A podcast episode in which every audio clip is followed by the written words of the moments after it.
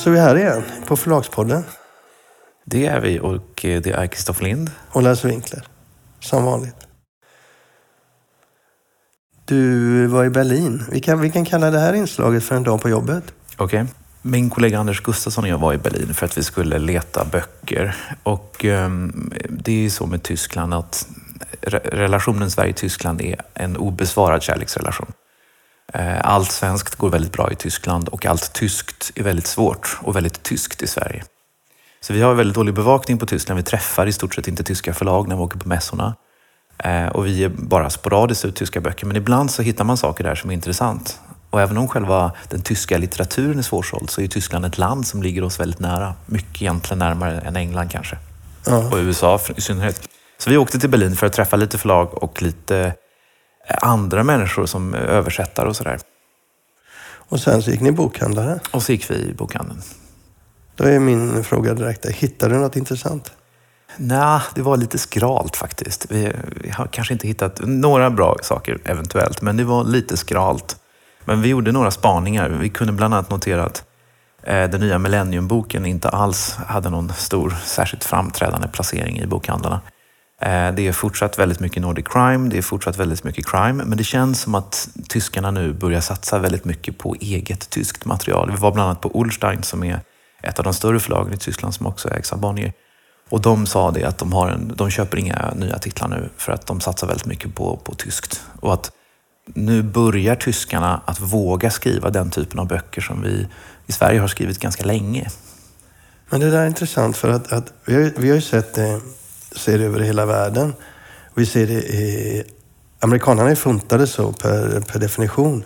Men vi andra då som alltid har plockat in mycket översättningar har ju sedan länge sett en nationalistisk, eh, så att säga, utgivning.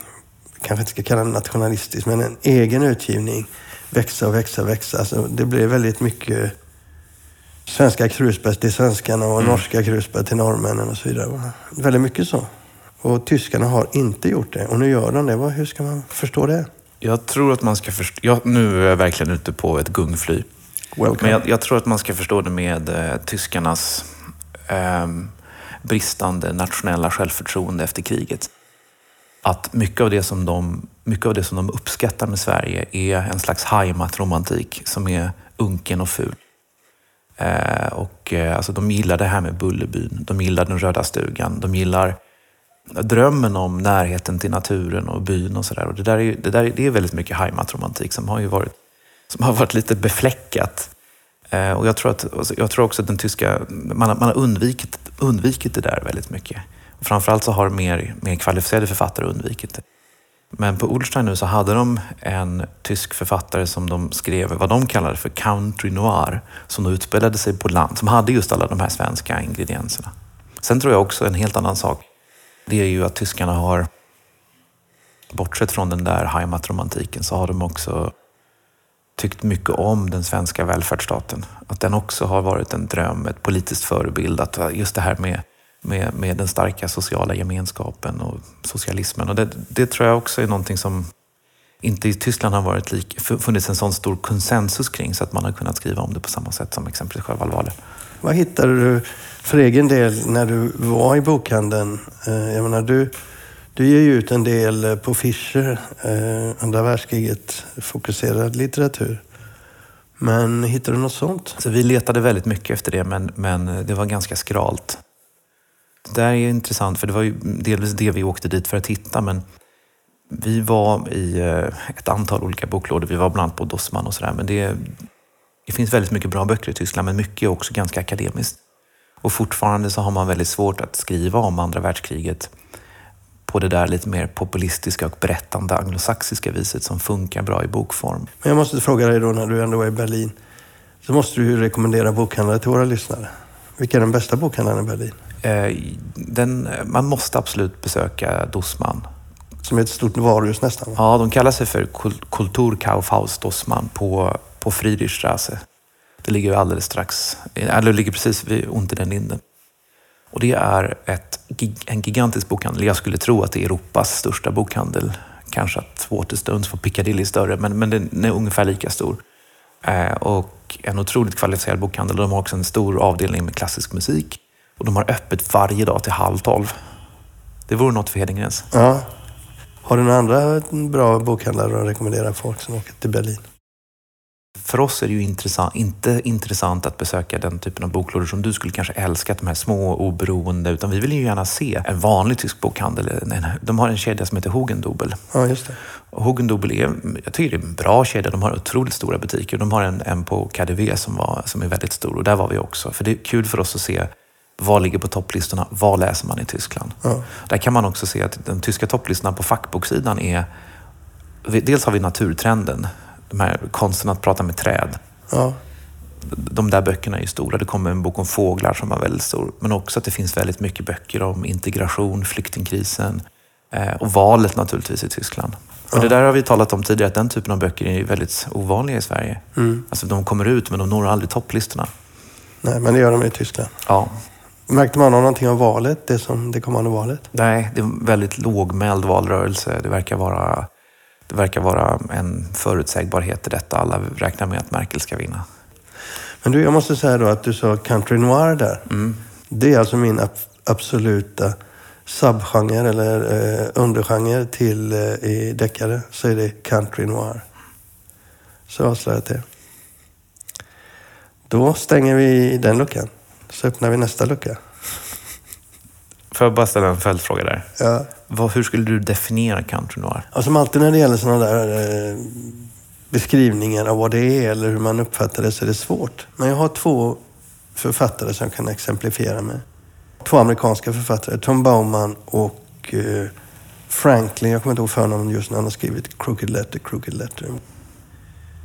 Det utspelar sig i småstäder, i, i rätt fattiga områden. Eh, I utkanten utav... Eh, absolut inte i storstäder, absolut inte där, där medialjuset ligger på, där alla trender ligger.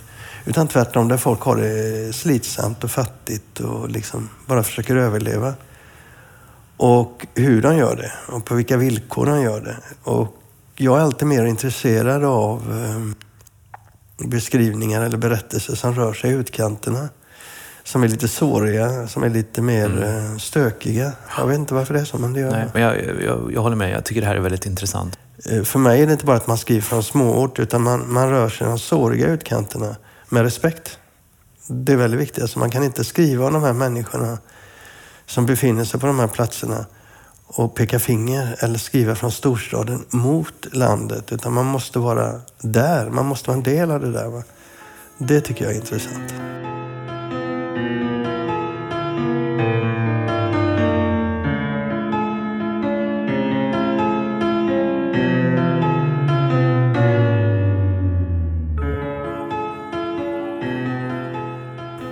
Det här är avsnitt nio och vi kommer ut strax före bokmässan. Så klart att vi kommer att prata lite om bokmässan. Men eh, vi ska göra det på ett lite speciellt sätt. För i förra avsnittet så sa du att du upplevde eh, bokmässan som en drömkrossare. Och då sa vi det där måste vi plocka upp igen. Ja, nej, men alltså vad jag menar med det är att bokmässan eh, med allt fantastiska som den innebär är också en plats där, där konkurrensen är väldigt hård. Där det är otroligt många röster och där man lätt kan, kan drunkna. Och jag har sett under årens lopp väldigt många människor som kommer till bokmässan med enorma förhoppningar. De har, de har liksom gått och väntat på bokmässan under lång tid och de tänker sig att det är på bokmässan det händer och där ska min bok nå ut till läsarna. Och, där ska jag... och sen så står de där på bokmässan och då, och, och då händer det som nästan alltid händer, det att, att ingenting händer. Jo, fast, fast jag tycker inte du rättvisar. Så allting händer, men allting händer. Man möter sina läsare, det gör man absolut. Men det är klart att man slår inte igenom på bokmässan för det, alla möter sina läsare kan man säga. Så där, därmed händer, kan du, som du säger, då, ingenting. Det, det bara händer allt på en gång. Jo, fast det, det jag beskriver då, det, det är väldigt konkret. När, när någon kommer dit och eh, kanske ska signera böcker, aldrig har gjort det förut, och så står de i, eh, och signerar böcker och får inte en enda bok signerad och sen så står Björn Hellberg bredvid och har signerat 150 böcker på samma period. Eller Eh, mittemot så sitter Jan Guillou och har signerat 250 böcker. Det, det, det där kan vara en oerhörd, oerhörd eh, självförtroendeknäckare. Och även en sak som är intressant med Bokmässan, det är ju att det finns många författare som är ganska stora och ganska, ganska etablerade och populära. Men som när de kommer på Bokmässan ser det som att ingen lägger märke till dem för där är fokus på någonting annat eller någon annan. Något ännu större? Ja, ännu, något ännu, ännu större. Och sådär. Ja. Men det, är också det att Bokmässan är, det är en viss sorts publik på Bokmässan. Det här talade vi om att Crime Time var väldigt bra för att det var en... Eh, många av, av deckarförfattarna de försvinner på Bokmässan för att det är inte något fokus på dem där. Ganska stora och bra deckarnamn kan på Bokmässan bli rätt anonyma i vimlet. Ja, och nu, nu är det ju nere på golvet vi pratar. Sen finns ju alla, alla föreläsningarna, de är ju rätt många. De är många. Och där, och där möter ju författarna ofta sina läsare också på ett annat sätt. Ja, fast det är mycket de absolut största namnen alternativt de utländska författarbesökarna och sådär. Jag skulle inte säga att det är så mycket duktiga författare där uppe. Nej, det kanske inte är så. Um, nej, men jag har ett exempel på, på, en, på, på, på hur det kan gå till med det här dröm, drömkrosseriet. Och det var en författare vi hade givit ut för rätt många år sedan nu. Och eh, det här var en författare som var känd lite grann från en annan bransch och som hade skrivit en roman. En mycket bra roman, men det skrivs många mycket bra romaner i Sverige under ett år. Och, eh, Eh, den här författaren hade då en bild utav bokmässan, att det skulle vara långa köer till, till eh, signeringsbordet och så. Och det var det inte, utan det var ingen som kom på signeringen. Och sen så ska vi gå upp till ett seminarium och på väg upp så får jag frågan, vad, vad, ska, jag, vad ska jag prata om? Det där är också någonting som ofta händer på bokmässan, att författarna vill väldigt gärna vara med vid olika om vi prata på olika scener, de vill hålla sina föreläsningar. Och det händer nästan varje år att man är på väg till någon av de här evenemangen och så säger författaren, kan inte du intervjua mig? Ofta så kan jag göra det eftersom jag alltid nästan har läst böckerna och sådär. Men man skulle alltid vilja ta lite mer förberedelse än fem minuter. I synnerhet om det är ett sånt där eh, seriöst seminarium i en föreläsningssal. Eh, den här gången fick jag inte frågan, men ah, ah, det blev en slags improvisation som ändå gick ganska bra. Jag tror att det var 20 personer där. Det hade kanske fått plats 150 och efteråt så signerades en bok. Sen så försvann författaren. Ehm, dagen efter så var det massor av evenemang som, som, som, som skulle ägt rum, som fick ställas in och jag ringde, ringde, fick inget svar. Och sen efter mässan så fick jag ett mejl eh, där författaren berättade att hen hade börjat dricka och att detta var det värsta som hade hänt i hens liv.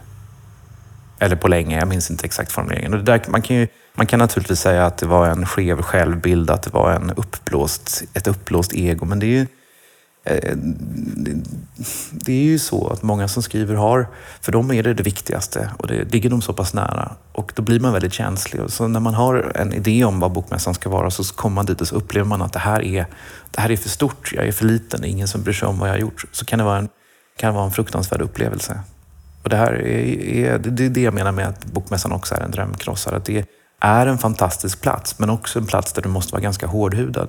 Och jag tror faktiskt även att att många, många förläggare och redaktörer kan känna också av det här, att man helst bara skulle vilja vara någon annanstans.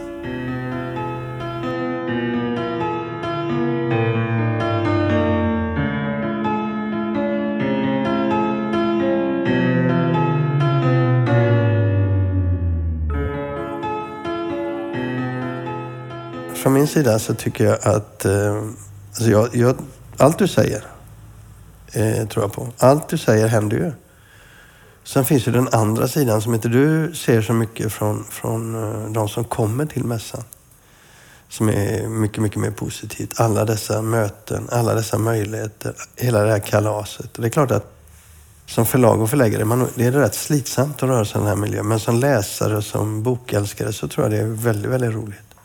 Ja, men det är klart att det är. Det finns, det finns verkligen två, två sidor av det här. Som, som förläggare ser jag ju ofta den här negativa sidan för att det är väldigt många som, som faktiskt eh, upplever att det är ganska jobbigt. Jag hade, nej, det ska jag, inte, jag kan inte ta fler exempel. Men, jo, det kan du göra. Nej, men, nej, jag ska inte ta fler exempel. Jo, jag tar det här exemplet också. Eh, jag tror vi har sagt det tidigare också, att förlagens problem med bokmässan är, det här är ett, förlag, det här är ett problem som jag inte, mina författare behöver inte känna att att jag inte älskar dem mer än någon annan. För det här problemet har alla förlag. Och ju större förlaget är, desto större problem har man. Och det är att alla vill åka till bokmässan, men av ekonomiska skäl är det omöjligt. Av praktiska skäl är det omöjligt. Därför det finns inte någonting att göra på bokmässan. Alltså du, kan inte ha, du får inte seminarier för alla. Du måste ansöka, varje seminarium kostar, du måste kunna prata på seminariet. Och sen finns det väldigt få scener. Det är väldigt, väldigt svårt att liksom ha plats för, för, för alla författare. Sen är det också ett problem därför att vi har en stor utgivning och det gäller ju ännu mer för de större förlagen. Och um, det finns liksom ett fysiskt stopp för vad man kan göra och det där, och där gör ju att många förlag har oftast en regel, alltså att de som frågar på bokmässan är bara de som kommer ut med bok under hösten, inte ens de som har kommit under våren och sådär. Vi har väl en, ungefär samma regel. Varje år så dyker det upp då författare som man inte visste skulle komma. Och här har vi också ett problem med att vi kan inte, ta, vi kan inte ens ta med hela årets utgivning för det är för mycket böcker, utan vi gör ett urval som, beror på, som utgår från de författare som är på plats och sen så försöker man ha med lite sådana här saker som man vet att folk köper och vill ha på plats. Eh, men varje år så dyker det upp någon författare som vi inte visste skulle komma och så frågar de, var är min bok? Och så blir de vansinnigt arga för att boken inte är där. Och det kan ha varit en bok som kommit för flera år sedan. Mm. Man kan inte ta emot allting för det finns ingenting att göra av det.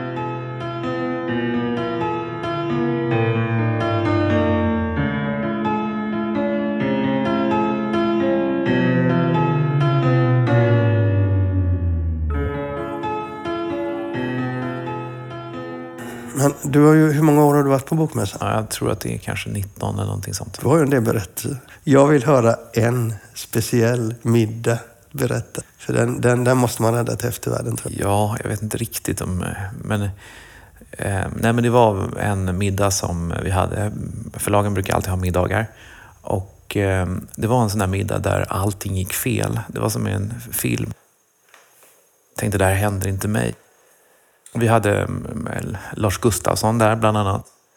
Och eh, det första Lars Gustafsson säger när han kommer in på middagen, det är att med sin skrovliga och teatrala röst så säger han Ja, där sitter Sverker Åström, Sveriges enda levande nazist. Fy fan. Och det satte liksom stämningen på middagen kan man säga. Och sen så kommer Anette Kullenberg, henne ska jag inte försöka härma, alla vet ju hur hon låter.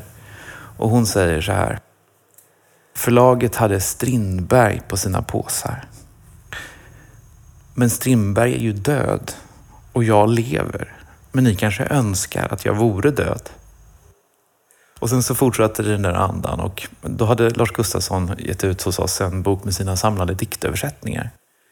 Och det var ju eh, från, jag tror att det var tolv språk eller någonting sånt där. Hebreiska, portugisiska, engelska förstås, men också latin och så. Och då under middagen så satt Anette Kullenberg i närheten av Lars Gustafsson. Jag tror jag hade satt Anders Claesson emellan som någon slags zon, buffertzon. Men, Vem är det? Eh, legendarisk person som var chef en gång i tiden för Nerikes Allehanda men också kultur och, eh, Svenska institutet. Och, och, det är han som spelar operachef i Bröderna Mozart av Susanne Vänt, Vänta lite, var, var detta Jökboet eller? Ja, jag vet. Jo men det här var en speciell middag. Jag tror även eh, Heidi von Born och Carl Johan De Geer var med och några till. Men hur som helst, under middagens gång så frågar Annette Lars om han verkligen har översatt Vergilius från latin. Och hon säger det sådär lite försåtligt och försynt. Så här, men Lasse, mm, nu har jag verkligen översatt Vergilius från latin. Och hon fortsätter och, och, och håller på. Och till slut så, till slut så blir han så han kan, inte, han kan inte behärska sina känslor. Han fullständigt exploderar i ilska. Så att han ställer sig upp och skakar, alltså verkligen skakar. Och så skriker han att vad obehagligt det var med den här middagen, att jag hade bjudit ett arselhål. Och ah, ja, ja, det här har etsat sig in i mitt minne just nu, men just nu har jag glömt. Han säger så här. Han säger, var vänlig, tilltala inte mig mer. Du är en fruktansvärt obehaglig människa. Tråkigt att du, de har bjudit ett arselhål. Och sen så, sen så var han så, så upphetsad. Han skulle sätta sig och just då så kom det avec. Och, och då så sa han, ja det här. Och så tog han den och svepte den och sen så gick han. Vad som hände efter detta, det var att alla var i fullständig chock. Och eh, eh, jag minns att Sverker Råström sa Kristoffer, alla dina författare är galningar. Och sen så, folk var fullständigt i chock efter denna, denna urblåsning. För det är, det är liksom en, en scen som man inte vill uppleva. Och alla, alla, ingen tog något direkt parti, men alla visste ju att Anette hade varit väldigt elak under hela middagen. Så att alla liksom började småprata, men drog sig liksom undan henne. Så till slut så satt hon alldeles ensam.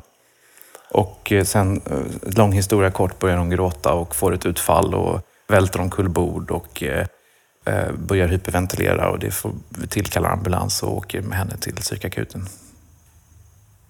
Det där var ju faktiskt gökboet över den, ja, hela den middagen. Jo, jo. Hur summerar du den här middagen? Eh. Minnesvärd? Nej, men det är ju det är en rolig historia nu så här i efterhand och nu kan man ju skratta åt den och så. Men det är en, det är en, jag tror att faktiskt att man eh, kan säga kanske också att det är en middag som, som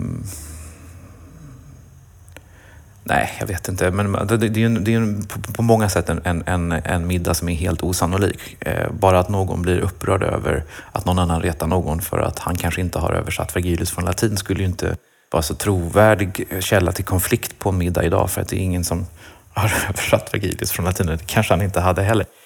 Men, eh, men eh, middagen var, var väl på något sätt en middag från förr. Alltså det, var, det, här var en, det här var en sån här interiör från en, en svunnen värld i någon mening. Redan då.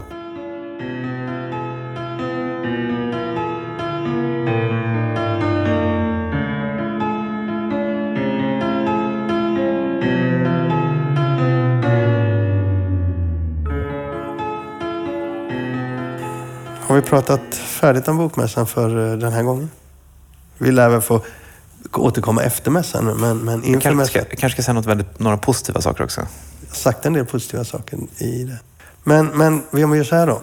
Årets bokmässa, vad tänker du om den? Nej, men I årets bokmässa den, den, är, den präglas av en enda fråga och det är frågan om nya tider och nu det här demonstrations demonstrationen som har, blivit, som har fått tillstånd. Nassarna där. Ja, och sen så präglas den av, av reaktionerna mot detta, av, eh, av bokmassan, eh, Världskulturmuseet och Författarförbundet. Det finns alltså tre stycken alternativa scener utanför bokmässan som en reaktion mot bokmässan. Och jag, jag tycker det är ganska, ganska problematiskt därför att på ett sätt så är det här den mest spännande bokmässan på många år. För vi vet inte vad som kommer att hända. Men om man tänker ut lite olika eh, liksom, händelseförlopp eh, så det bästa som kan hända är att så lite som möjligt händer. För vad som än annars kommer att hända kommer bara ytterligare polarisera de här positionerna som redan är så låsta. Och att det är tre stycken scener utanför bokmässan. Många säger att det berikar, det är roligt. Jag ser det bara som en stor sorg att, att man inte kan enas under ett tak. Hur känner du? Det är ju lite känsligt och alla vet ju, eller alla som följer oss vet ju nu att jag jobbar med Bokmässan mm. och jag har också samma ståndpunkt som Bokmässan. Jag har ju mycket tankar om det här och jag håller med dig. Eh, och jag tror eh, att om vi tittar bortom den här mässan så vet vi ju inte överhuvudtaget vad som kommer att hända. Och scenarierna är, möjliga scenarierna är många, men jag tycker att det på många sätt en intellektuell härdsmälta inom bokbranschen idag. Mm. För jag ser ju till exempel då, om man ska ta uh, Athena Farrokhzad. Hon som är mest aktiv och hennes vänner då, uh, det är ju den vänstern som är mest aktiv för att bojkotta bokmässan och skada bokmässan rent ut. Hon har ju skrivit uh, brev till författare som är inbjudna till bokmässan. Internationella författare. Där hon med tanke på att hon är poet och i poesin så är varje, valören i varje ord otroligt viktigt. Här är hon ju liksom totalt skamlös. Fakta är fel och, och, och nyanser skiter hon i. Hon skickar ju mejl till författarna säger att, att, att uh, bokmässan sympatiserar med nazister. Mm. Och så kallar hon Nya Tider för nazister. Och de är högerpopulister och då kan man diskutera, är det viktigt, nyanserna i det här fallet? Ja, för henne är det viktigt att säga nazister för det är så enkelt. Alla hatar nazister och då bojkottar vi dem. Säger vi högerpopulister och vi tycker väldigt illa om dem så får vi ett problem. Mm. Så det är bättre liksom att, att skita i nyanserna. Och det här har gjort samtalsklimatet och åsiktskorridoren så smal. Alltså från vänster så trycker de till och attackerar alla som inte tycker som dem. Och från höger, nazisterna, de har ju sin attityd som vi känner till. Och kvar blir de som inte tycker som den här vänstern då. De blir alltså fiender också och anses vara då eh, kollaborera med nazister. Och det gör en samtalston som blir totalt omöjlig att föra och den kommer att skada det offentliga samtalet. Nej, men jag, jag, tror också det. Och sen den här enorma polariseringen som är följden av det här skapar också en, en bild av inte bara liksom situationen med Nya Tider på Bokmässan utan också en bild av Sverige som känns helt bisarr. När vi var i Berlin så träffade vi en översättare som frågade om vi, hon skulle skriva för en internationell tidning, Grant eller någonting om det här. Och hon sa, mm, kommer ni åka på bokmässan? Och så där, men är ni inte, tar ni inte ställning mot nazister? Och, eh, det här är väl en av de största litterära strömningarna nu i Sverige. Att, I litteraturen att man plockar upp den här nyfas, vågen av nyfascism i Sverige. Va? Ja, hon, hon, hon hade då pratat med några av de här personerna som du själv har citerat de här enorma överreaktionerna mot exempelvis Nya Tider, de skapar ju bara en... Dels de, de skapar bara en... Folk får ju en uppfattning av att vi lever i liksom ett, ett Sverige som håller på att falla isär. Mm. Och som håller på att tas över av en våg av nazism. Och det är ju inte ett Sverige som jag känner igen. Inte jag heller. Nej, men samtidigt som jag menar då att eh, den här växande strömningen, högerströmningen eh, då, eller extrema strömningen, högerextrema strömningen ska man säga då, den måste man eh, eh vara tydlig med att det vill inte vi vara in i ett demokratiskt samhälle.